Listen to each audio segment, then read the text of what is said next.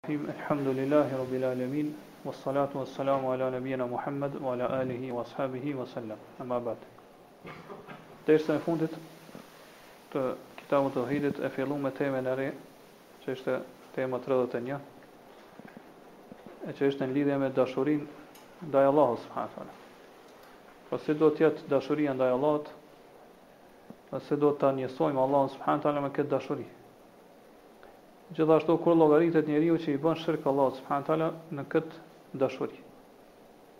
Ashtu i përmendëm edhe disa për lloje të dashurive që janë të lejuara, po dashuri natyrore që Allah subhanahu wa taala i ka lejuar madje disa prej tyre janë të preferuara, edhe janë të lavdëruara që njeriu me i vepru. Pastaj thamë që pra autori sjell si argument këto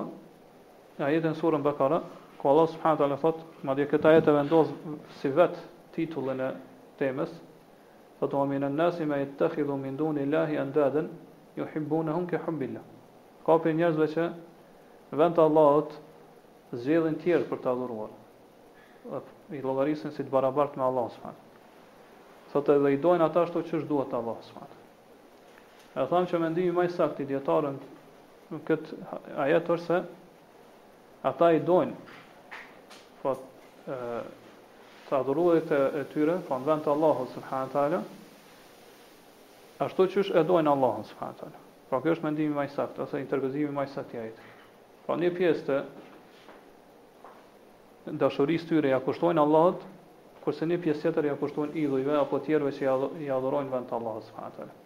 Pra dashurinë, e që thamë për qëllim është dashuria e adhurimit, e ndajnë mes Allahut edhe mes tjerëve. Madje në disa rase, thamë që ata i dojnë tjertë ma shumë se sa Allahun, së i dojnë tjertë ma shumë se sa Allahun. Edhe kjo ekziston te idhujtarët edhe në këtë kohë. Për shembull, ata të cilët i adhurojnë varret apo i adhurojnë tyrbet e kështu me radhë, i dojnë ato, do thotë me dashuri të adhurimit. Për këtë arsye shohim se ata tregojnë xhelozi ndaj tyre. Madje edhe zemërohen shumë nëse ti i thu që këto gjëra që pi adhuroni vend të Allahut subhanahu teala, pra varret, vdekurit e kështu me radhë, nuk ju sjellin dobi. Përkundrazi, ato do t'ju dëmtojnë juve shumë. Edhe në këtë dunja dhe në ahiret. Ata aq shumë zemërohen kur t'ia thu këtë fjalë sa që janë në gjendje edhe me luftu për të mbrojtur, do thotë ata që që i adhurojnë vend të Allahut subhanahu wa taala. Arsyeja për këtë është se ata i dojnë po këto gjëra ke hubbillah. Ashtu që e dojnë Allahun subhanahu wa taala, ndoshta qysh thamë ndonjëherë e dojnë edhe më shumë. I dojnë ato më shumë. Siç e kemi përmend dersin e kaluar që nëse i thu betohu n'Allahun, ai është gjendje m'u betu n'Allahun rrejshëm.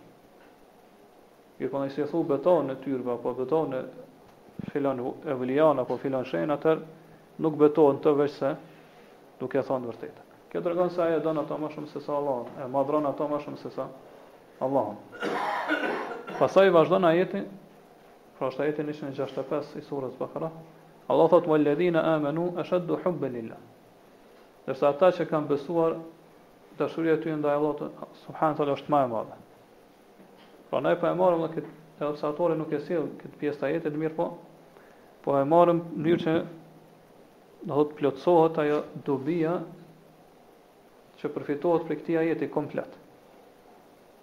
Edhe për këtë pjesë të ajetit janë dy mendime dijetarët që i kanë thënë. Po ata që besojnë eshed-du hubben lil-lah, e dojnë Allahun më shumë, më fort.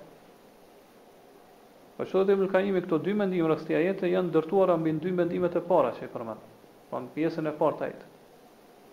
Ngase kemi thënë dersin e kaluar që disa dijetarë kanë thënë se qëllimi me pjesën e parë të ajetit, pra që ka prej njerëzve që i dojnë të tjerët ashtu siç e dojnë Allahun, po i dojnë të tjerët ashtu siç e dojnë besimtarët Allahun.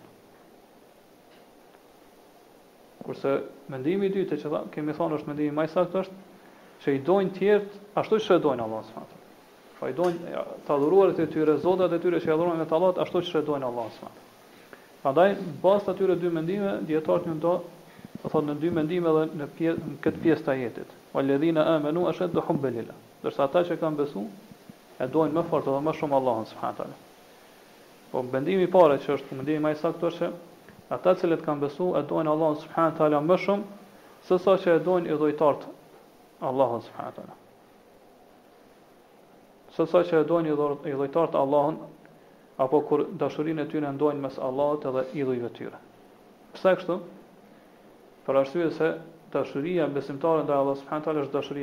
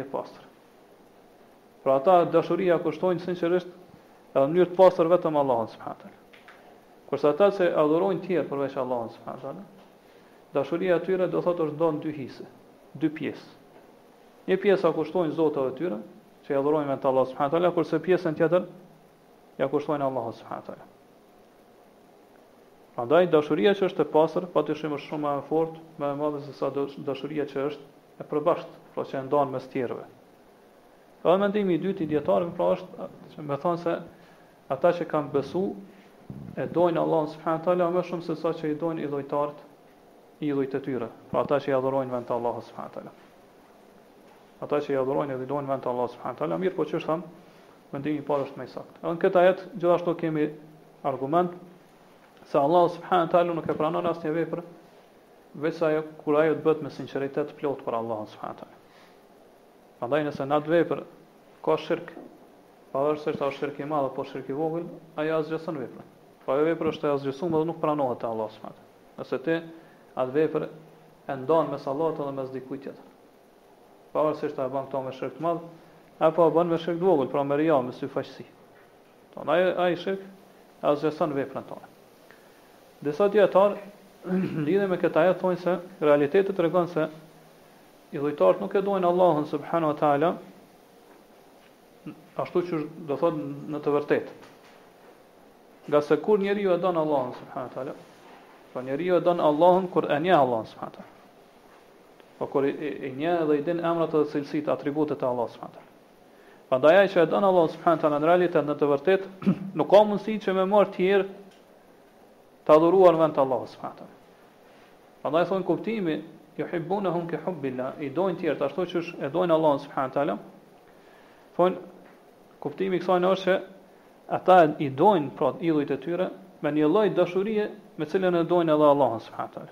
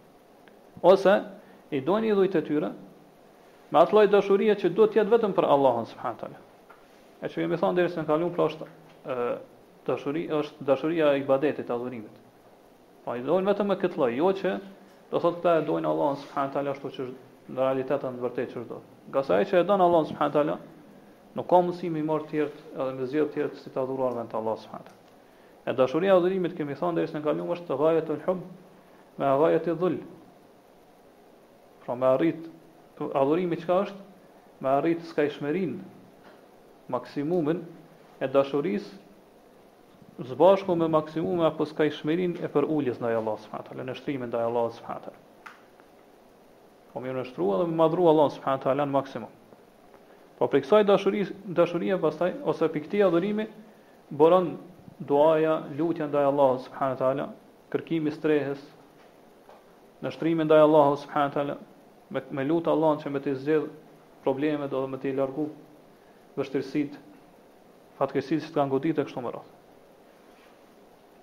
Prandaj përderisa kjo dashuri është e sinqertë për Allahun, ashtu siç e, e veprojnë besimtarët, atëherë do thotë nuk ka mundësi që dikush këtë dashuri me nda mes, mes dikujt dhe mes Allahut subhanahu wa taala.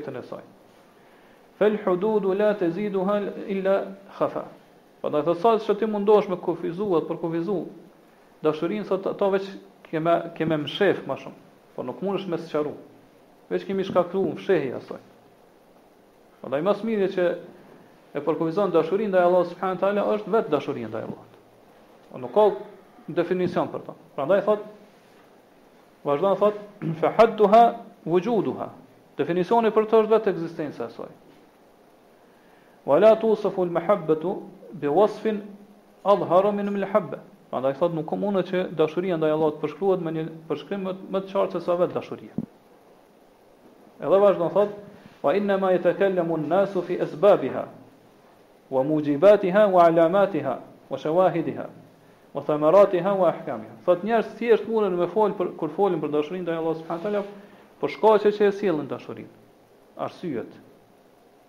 Jo, definicion nuk munden me i dhënë asaj. Mirëpo ia përmendin shkaqet, arsyet që e sjellin dashurinë ndaj Allahut subhanahu teala. Shenjat që tregojnë për atë dashuri. Provat e saj. Edhe frytet, rezultatet që i sjell në në jetën e besimtarit, gjithashtu thotë edhe vendimet ose vendimi gjykimet e islamit për për lloje të ndryshme të dashurisë.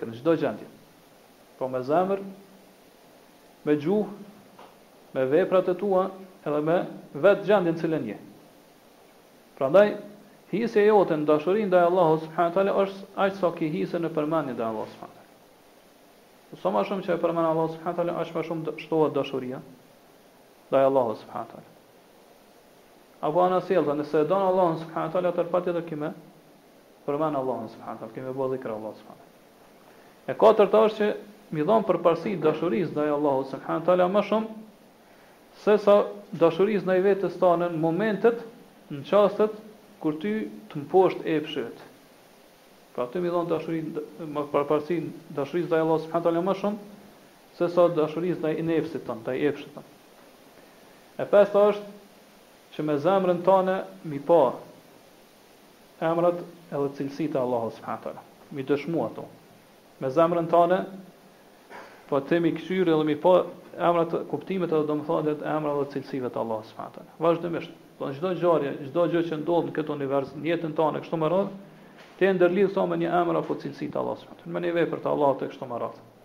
Po në këtë mënyrë njeriu, pra besimtari do të shëtisë në kopshtet e njohjes të Allahut subhanahu teala.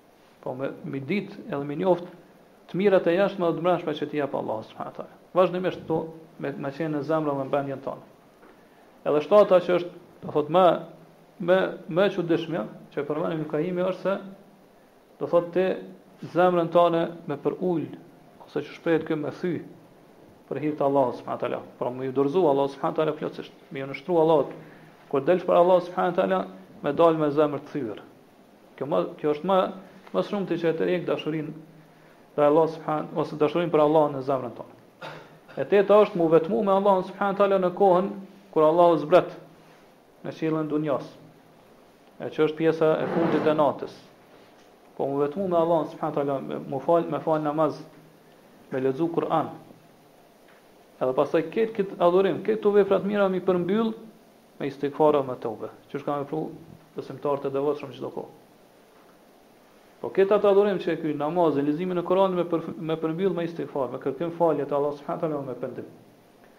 E nënta është mu ul me njerëz e mu shoqëru me njerëz të cilët e dojnë Allahun subhanahu teala.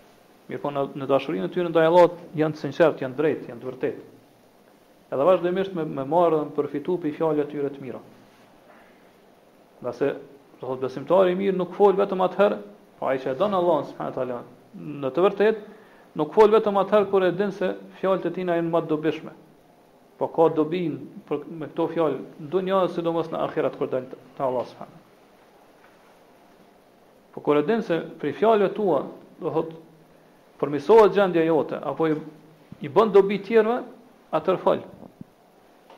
Përndryshe duhet me hesht. Pra origjina është heshtja. E me fol duhet me fol vetëm atëherë kur është në dobinë tane ose në dobinë e të tjerëve.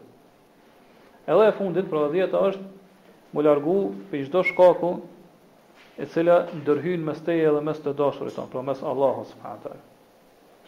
Po këtu Ibn Kajimi thotë janë 10 shkaqe, edhe përmes këtyre 10 shkaqeve ata të dashurit që e dojnë Allahun subhanahu teala kanë arrit në në pozicione dhe vend, do thotë nivele të larta të dashurisë, edhe përmes këtyre thotë kanë hy, po kanë shku te i dashuri i tyre te Allahu subhanahu wa taala. Pastaj autori do thotë pas këtij ajeti e sjell si argument për këtë temë edhe ajetin në surën Tobe,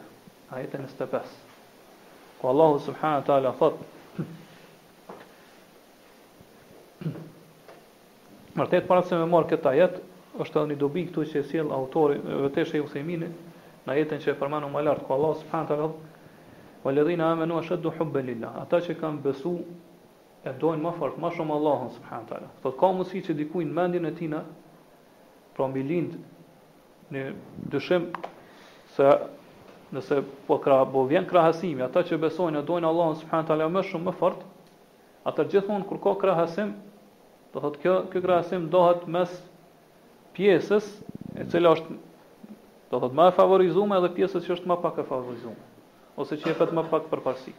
Andaj thotë dikush mundet me mendu që edhe besimtarët i dojnë idhujt, Ngase po thotë këta e duajnë Allahun subhanahu teala më shumë.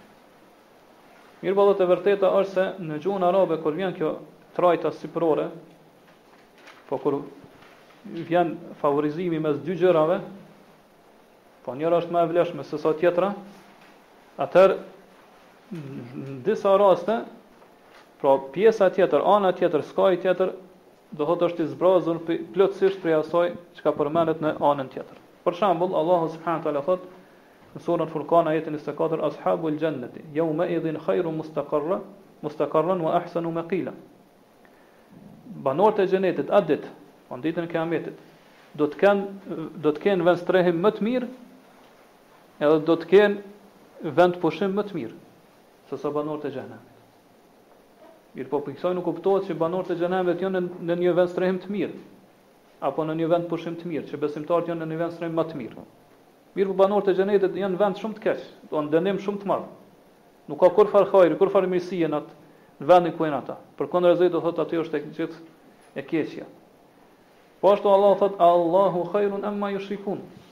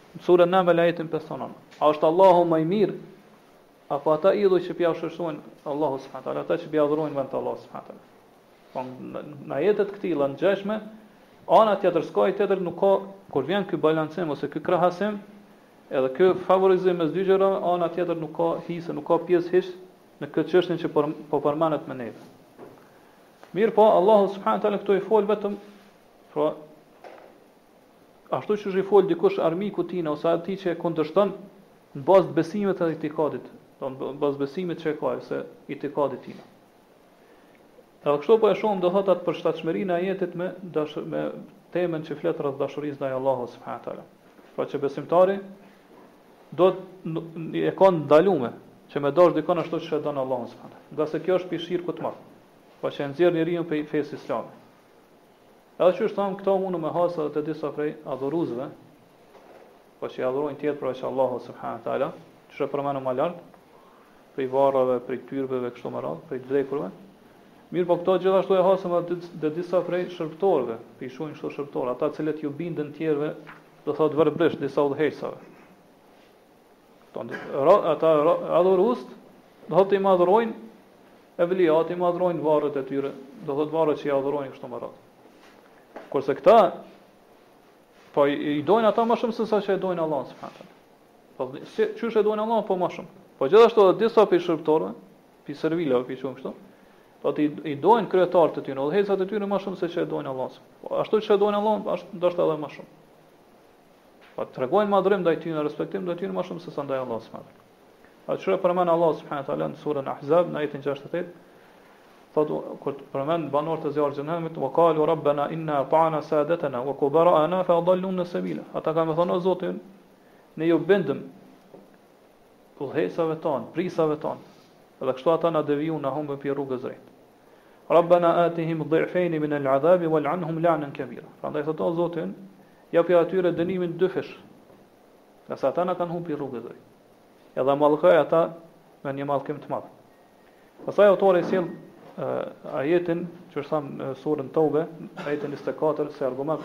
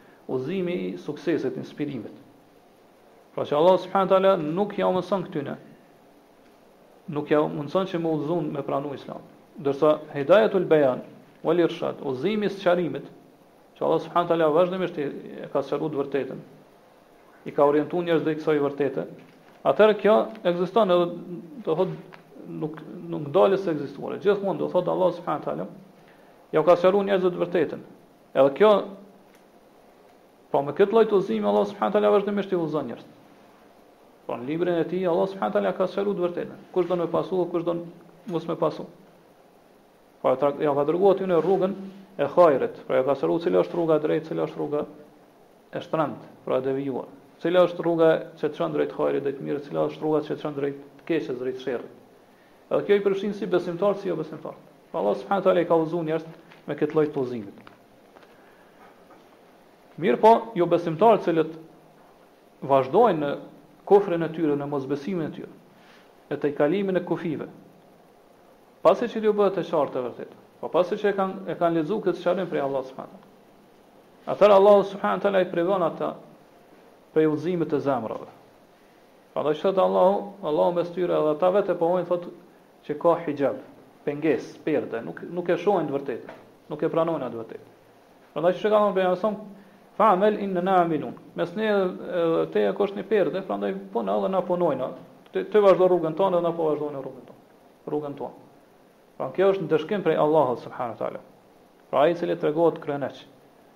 Ai i cili tregohet arrogant, edhe pasi që t'i sqarohet e vërteta, pasi t'i bëhet e qartë se cila është rruga e drejtë prej rrugës devijuar, edhe vazhdon prapë në rrugën e humbur, Allahu subhanahu wa taala do thotë e privon atë prej si ndëshkim ndaj tij e privon prej kësaj të vërtete. Nuk e udhëzon drejt drejt vërtetës.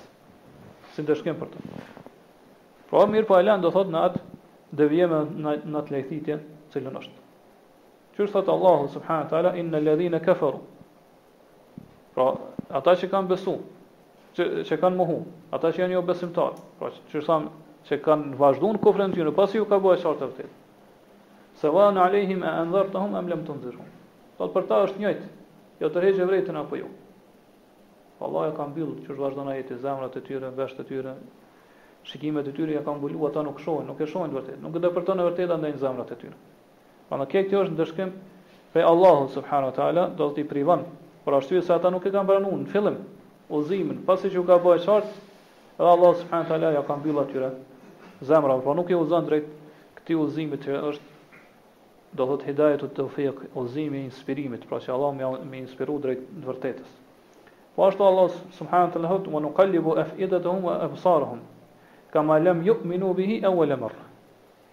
Wa nadharuhum fi tughyanihim ya'mahun.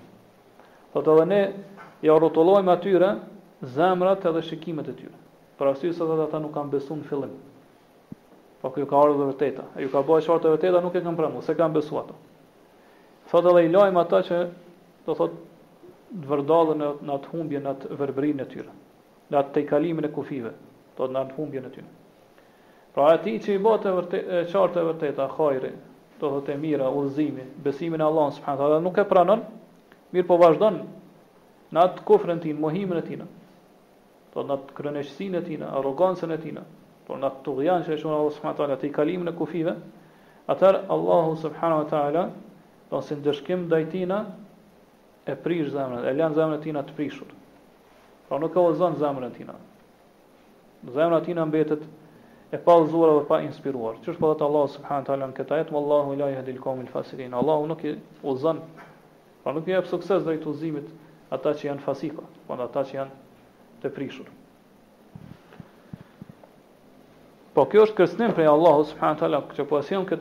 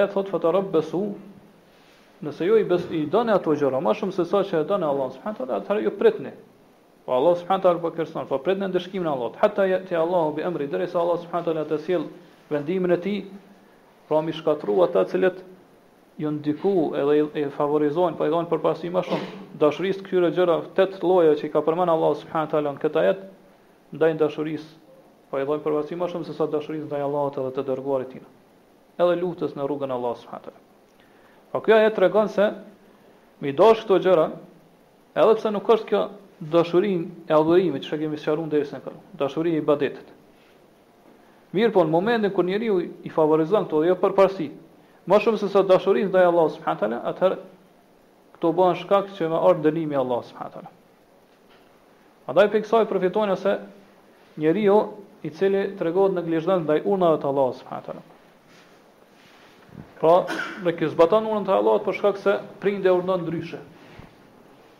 Pra Allahu ka urdhëruar diçka, do thotë me një gjë, ai nuk e zbaton atë nga se prindi e urdhon të kundërtën.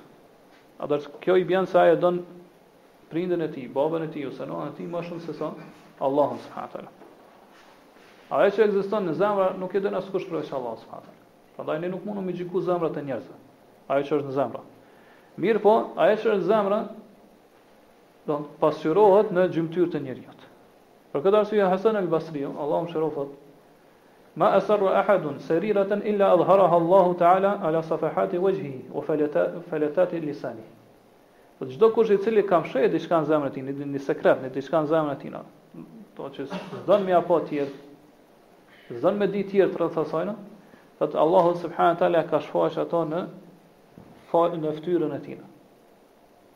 Gjithashtu thot përmes skajeve gjuhës tine. Po përmes gjuhës tine. Po nuk ka mundësi njeriu me fshehë diçka e me shfaqë diçka tjetër veç se Allah subhanahu teala ka me pru gjendjen e tina që ai në fytyrën e tina m'u vrejt se ai nuk është ka thot vërtet. Ose do thot përmes fjalëve që dalin prej prej fjalë prej, prej gjuhës tine. Po gjymtyrët e njeriut janë pasqyra e zemrës tine. Pra ato që e ka në zemër, ka me reflektu gjithsesi në gjymtyrët e tina. Nëse dikush mund t'thot që dashuria është në zemër, edhe njeriu nuk ka mundësi që me zotru zemrën e tina. Për çka ka n'hadith që pejgamberi kur ka ba ndarjen mes grave tina, po ndarjen e ditëve ka thonë Allahuma inna hadha qasmi fima emlik. O Allah, kjo është ndarja ime n'atë çka unë e zotroj. Po me tregu drejtësinë në ndarjen e ditëve. Këtë e ka është n'mundësinë time. Fela telumni fima la emlik. Mirë po mos më qorto mua për atë çka s'moj me zotru, pra zemrën. Nga se pejgamberi s.a. ka dashur Aishen radhiyallahu anha më shumë se sa gratë tjera. Prandaj thotë çysh ka mundësi që njeriu me dashtë një gjë kur njëkohësisht e urren atë apo nuk e do. Po kjo i bie që njeriu po mundohet me me me bë një gjë që është e pamundur. Kjo është një tentim, orvatje me bën një gjë që është e pamundur po një. Pra me bë diçka të pamundur të mundur. Mirë po përgjigja jonë ndaj kësaj është se do thot kjo ky dyshim ose kjo kundërpërgjigje nuk është në vendin e duhur. Ngase na e dimë se shpesh ndodh që njeriut dashuria ndaj dikujt m'iu kthy në urrejtje ndaj tij. Ose e kundërta. Ose do thot për një shkak të dukshëm ose për një shkak ose për ndonjë do thot vullnet ose vendosmëri të sinqertë dhe të vërtetë. Shembulli i parë është për të parën pra që është ndonjë shkak i, i jashtëm i dukshëm është kur njeriu e don një person, shokun e tij për shembull e don shumë. Mirë po, ndodh që ai mi vjedh diçka prej tij, mi marr diçka. Ose do thot me cenu ndershmërinë e tij. Atëherë nuk ka mundësi me fillu me dashtë ato. Nuk ka me vazhdu me dashtë. Mirë po ka me fillu me urejt ato për, për, për këtë shkak.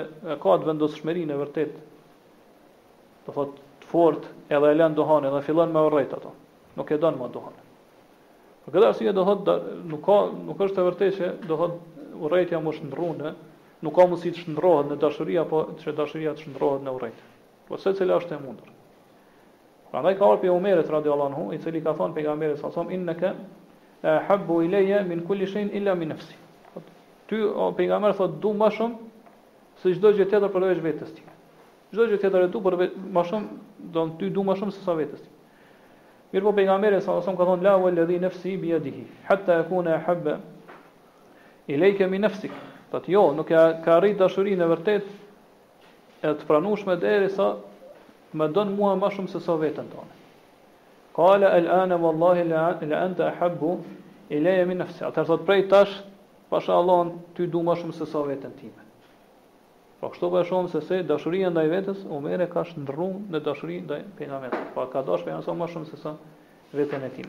Atëherë pejgamberi ka thonë el ana ya Omer, tash e ka arrit do thotë atë dashurinë e vërtetë. Kështu që dashuria e pejgamberit sallallahu alajhi wasallam e vërtetë e Omerit ndaj pejgamberit është shtu mbas këtyre fjalëve. Edhe pejgamberi ja ka pranuar këto. Po kjo tregon se dashuria mund të ndryshojë, mund të të të ndrohet do thotë. Gjithashtu ka mundësi që ti do të thotë don një person mirë po për shkak se ke ke dëgju një fjalë për tij ose ke dëgju fjalë jo të mira për ta fillon me urrejt ato. Nuk nuk fillon mos me pëlqy atë person. Mirë po më vonë të bëhet e qartë se ajo që u thonë për atë person nuk nuk u kanë vërtet, u kanë gënjeshtër. Ti prap kthehesh edhe e don atë. Po prap kthehesh në origjinë edhe fillon me dashtë ato. Pra kështu mundet me ndryshu ajo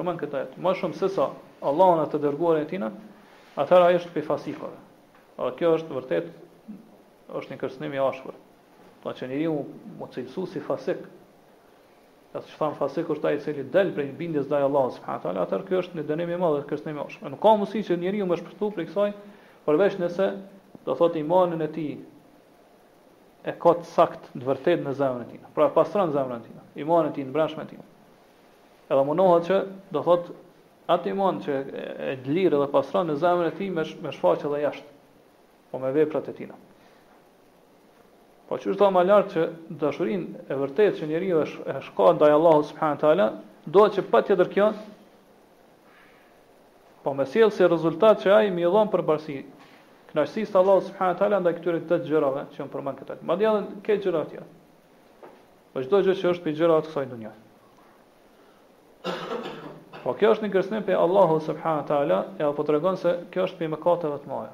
Kur njeriu e don një gjë më shumë se sa Allahu dhe të dërguarin e tij. Pra është një prej harameve dhe mëkateve të mëdha. Ngase Allahu, qysh e pa, po sjell kërcënim për këtë. Edhe po gjykon për personin e këtillë që është fasik, pra është humbje.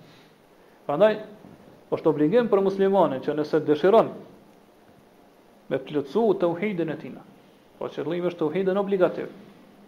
Me plotësu tauhidin e tina obligativ. Atëherë me dashtë Allahun e të dërguarin e tina më shumë se çdo gjë tjetër që është e dashur për të. Edhe qysh thamë më lart dashuria ndaj pejgamberit sa sa është dashuri ndaj vet Allahut. Nuk është dashuri së bashku me Allahun, që është dashuria e mushrikëve. Mirëpo kur e dojmë pejgamberin sa e dojmë për hir të Allahut subhanahu teala, ngase Allahu na ka urdhëruar me dashtë pejgamberin sallallahu alejhi wasallam. Prandaj ai që e don Allahun, patjetër ka me dashtë edhe të dërguarit e tij. Dikush mund me thonë se ka ardhur një fjalë prej Sheikhul Islamit, i cili ka thonë se shumica, shumë prej muslimanëve, madje ka thonë shumica e muslimanëve e kanë këtë cilësi. Po i dojnë këto tetë lloje më shumë se sa Allahun e të dërguarin e tij. Ose edhe gjëra tjera prej gjërave të dunjos. Qëllimi i Shejhul Islamit me këto fjalë është se shumica e muslimanëve ka mundësi që i dojnë këto gjëra më shumë se sa që e dojnë Allahun dhe të dërguarin e tij, po këto të gjëra që unë përmenda në, në ajet. Mirëpo, që, kuptimi i këtyre fjalëve është se ai ju jep përparësi atyne para urdhit të Allahut subhanahu teala ose para urdhit të pejgamberit sallallahu alaihi wasallam. Edhe ai kur kur e vepron këtë gjë, pra jep përparësi atyne më shumë se sa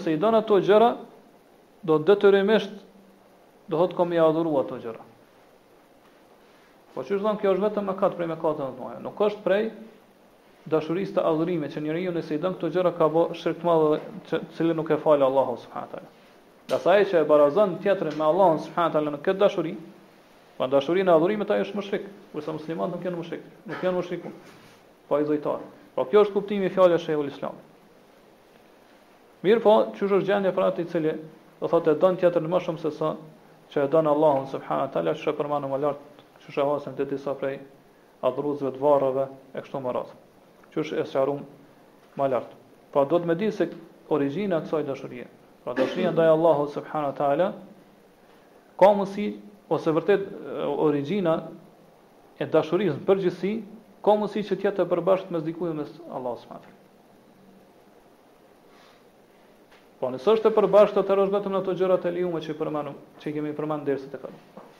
E ato do do duhen për hir të Allahut subhanahu taala.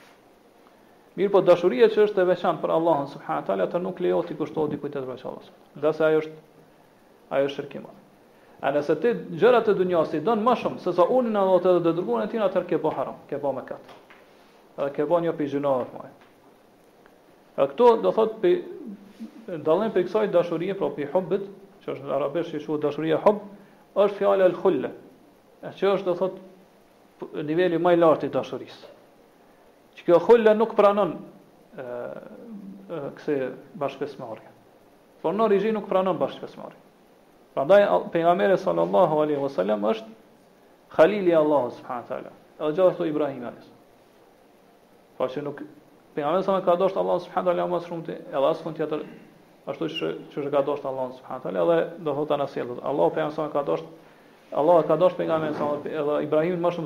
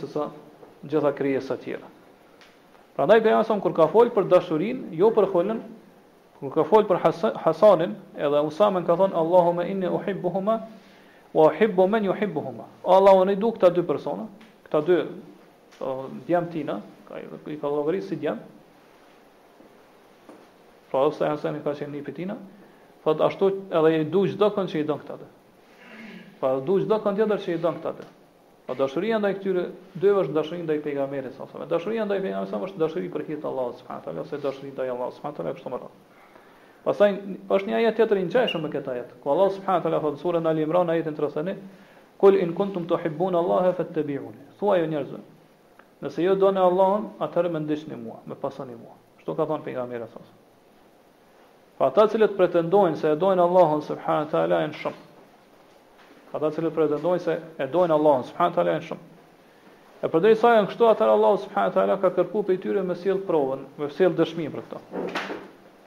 Edhe ka sjell këtë ajet, e ka zbrit këtë ajet. Çdo kush i cili pretendon se e don Allahun subhanahu wa taala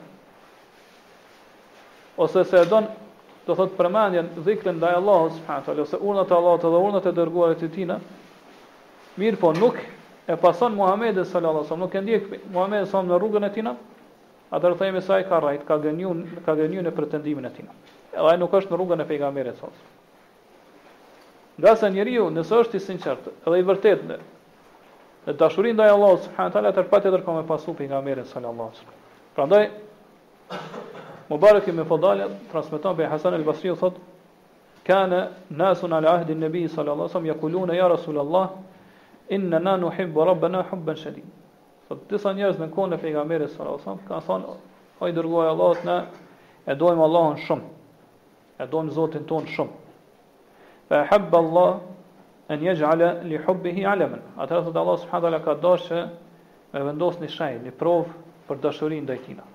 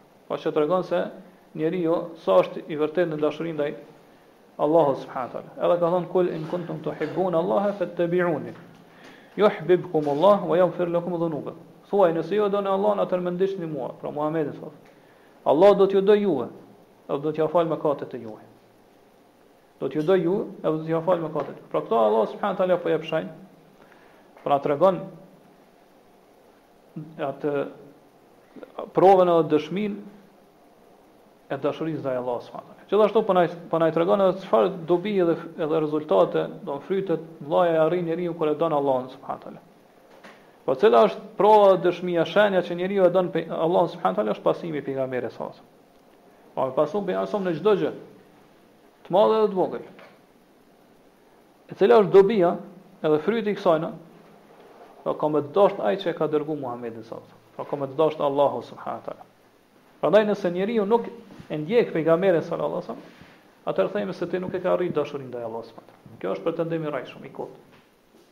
Gjithashtu, do thotë nuk e edhe nuk e ke humb shansin që me të dashtë Allahu subhanahu wa taala. Po dashuria e Allahut ndaj te është këtë rast është e mohuar, nuk pranohet. Prandaj shumë prej njerëzve do thotë kanë rrshit në këtë gjë, po prej disa prej pretenduesve kanë do thotë atyre që pretendojnë se e dojnë Allahu subhanahu teala janë zgjeruar shumë këtë gjë dhe kanë filluar me pas pretendime të kota, saqë do thotë ato pretendime të tyre i kanë nxjerr prej prej rrugës së drejtë. Po i kanë i kanë dërgu, i kanë çuar në atë në atë pozitë, në atë nivel saqë do thotë ata më nuk e tregojnë veten si rob dhe adhurues ndaj Allahut subhanahu teala.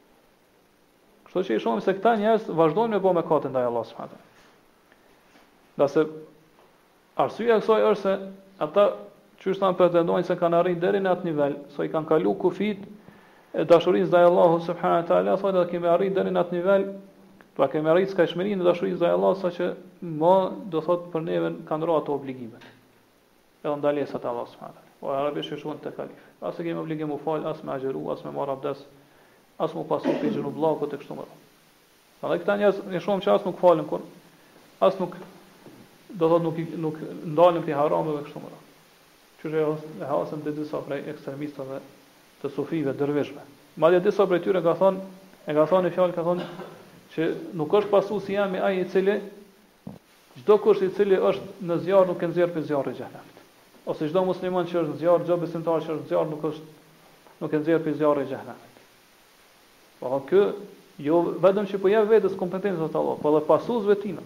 Po edhe pasuesi jem nuk llogaritet unë jam i distancuar, i shfaqësuar prej atina nëse ai nuk i nxjerr besimtarët prej zjarrit të xhehenemit. Po pasi që Allahu i ka vendosur.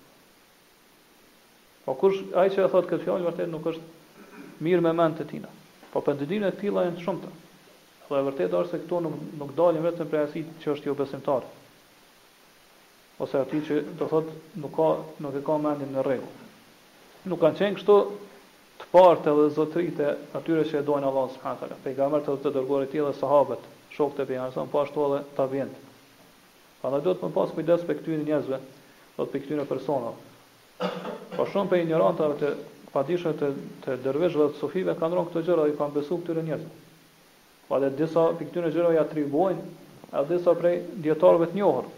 E kjo ose është gënjeshtër që e kanë shpif për ta, ose do thotë është thjesht një fjalë do thotë gabim gjuhës i gjuhës tyre. Ngase pagu pagabushmëria pra ajo që quhet arabisht isme nuk i takon askujt tjetër përveçse Pejgamberit sallallahu alejhi ve sellem.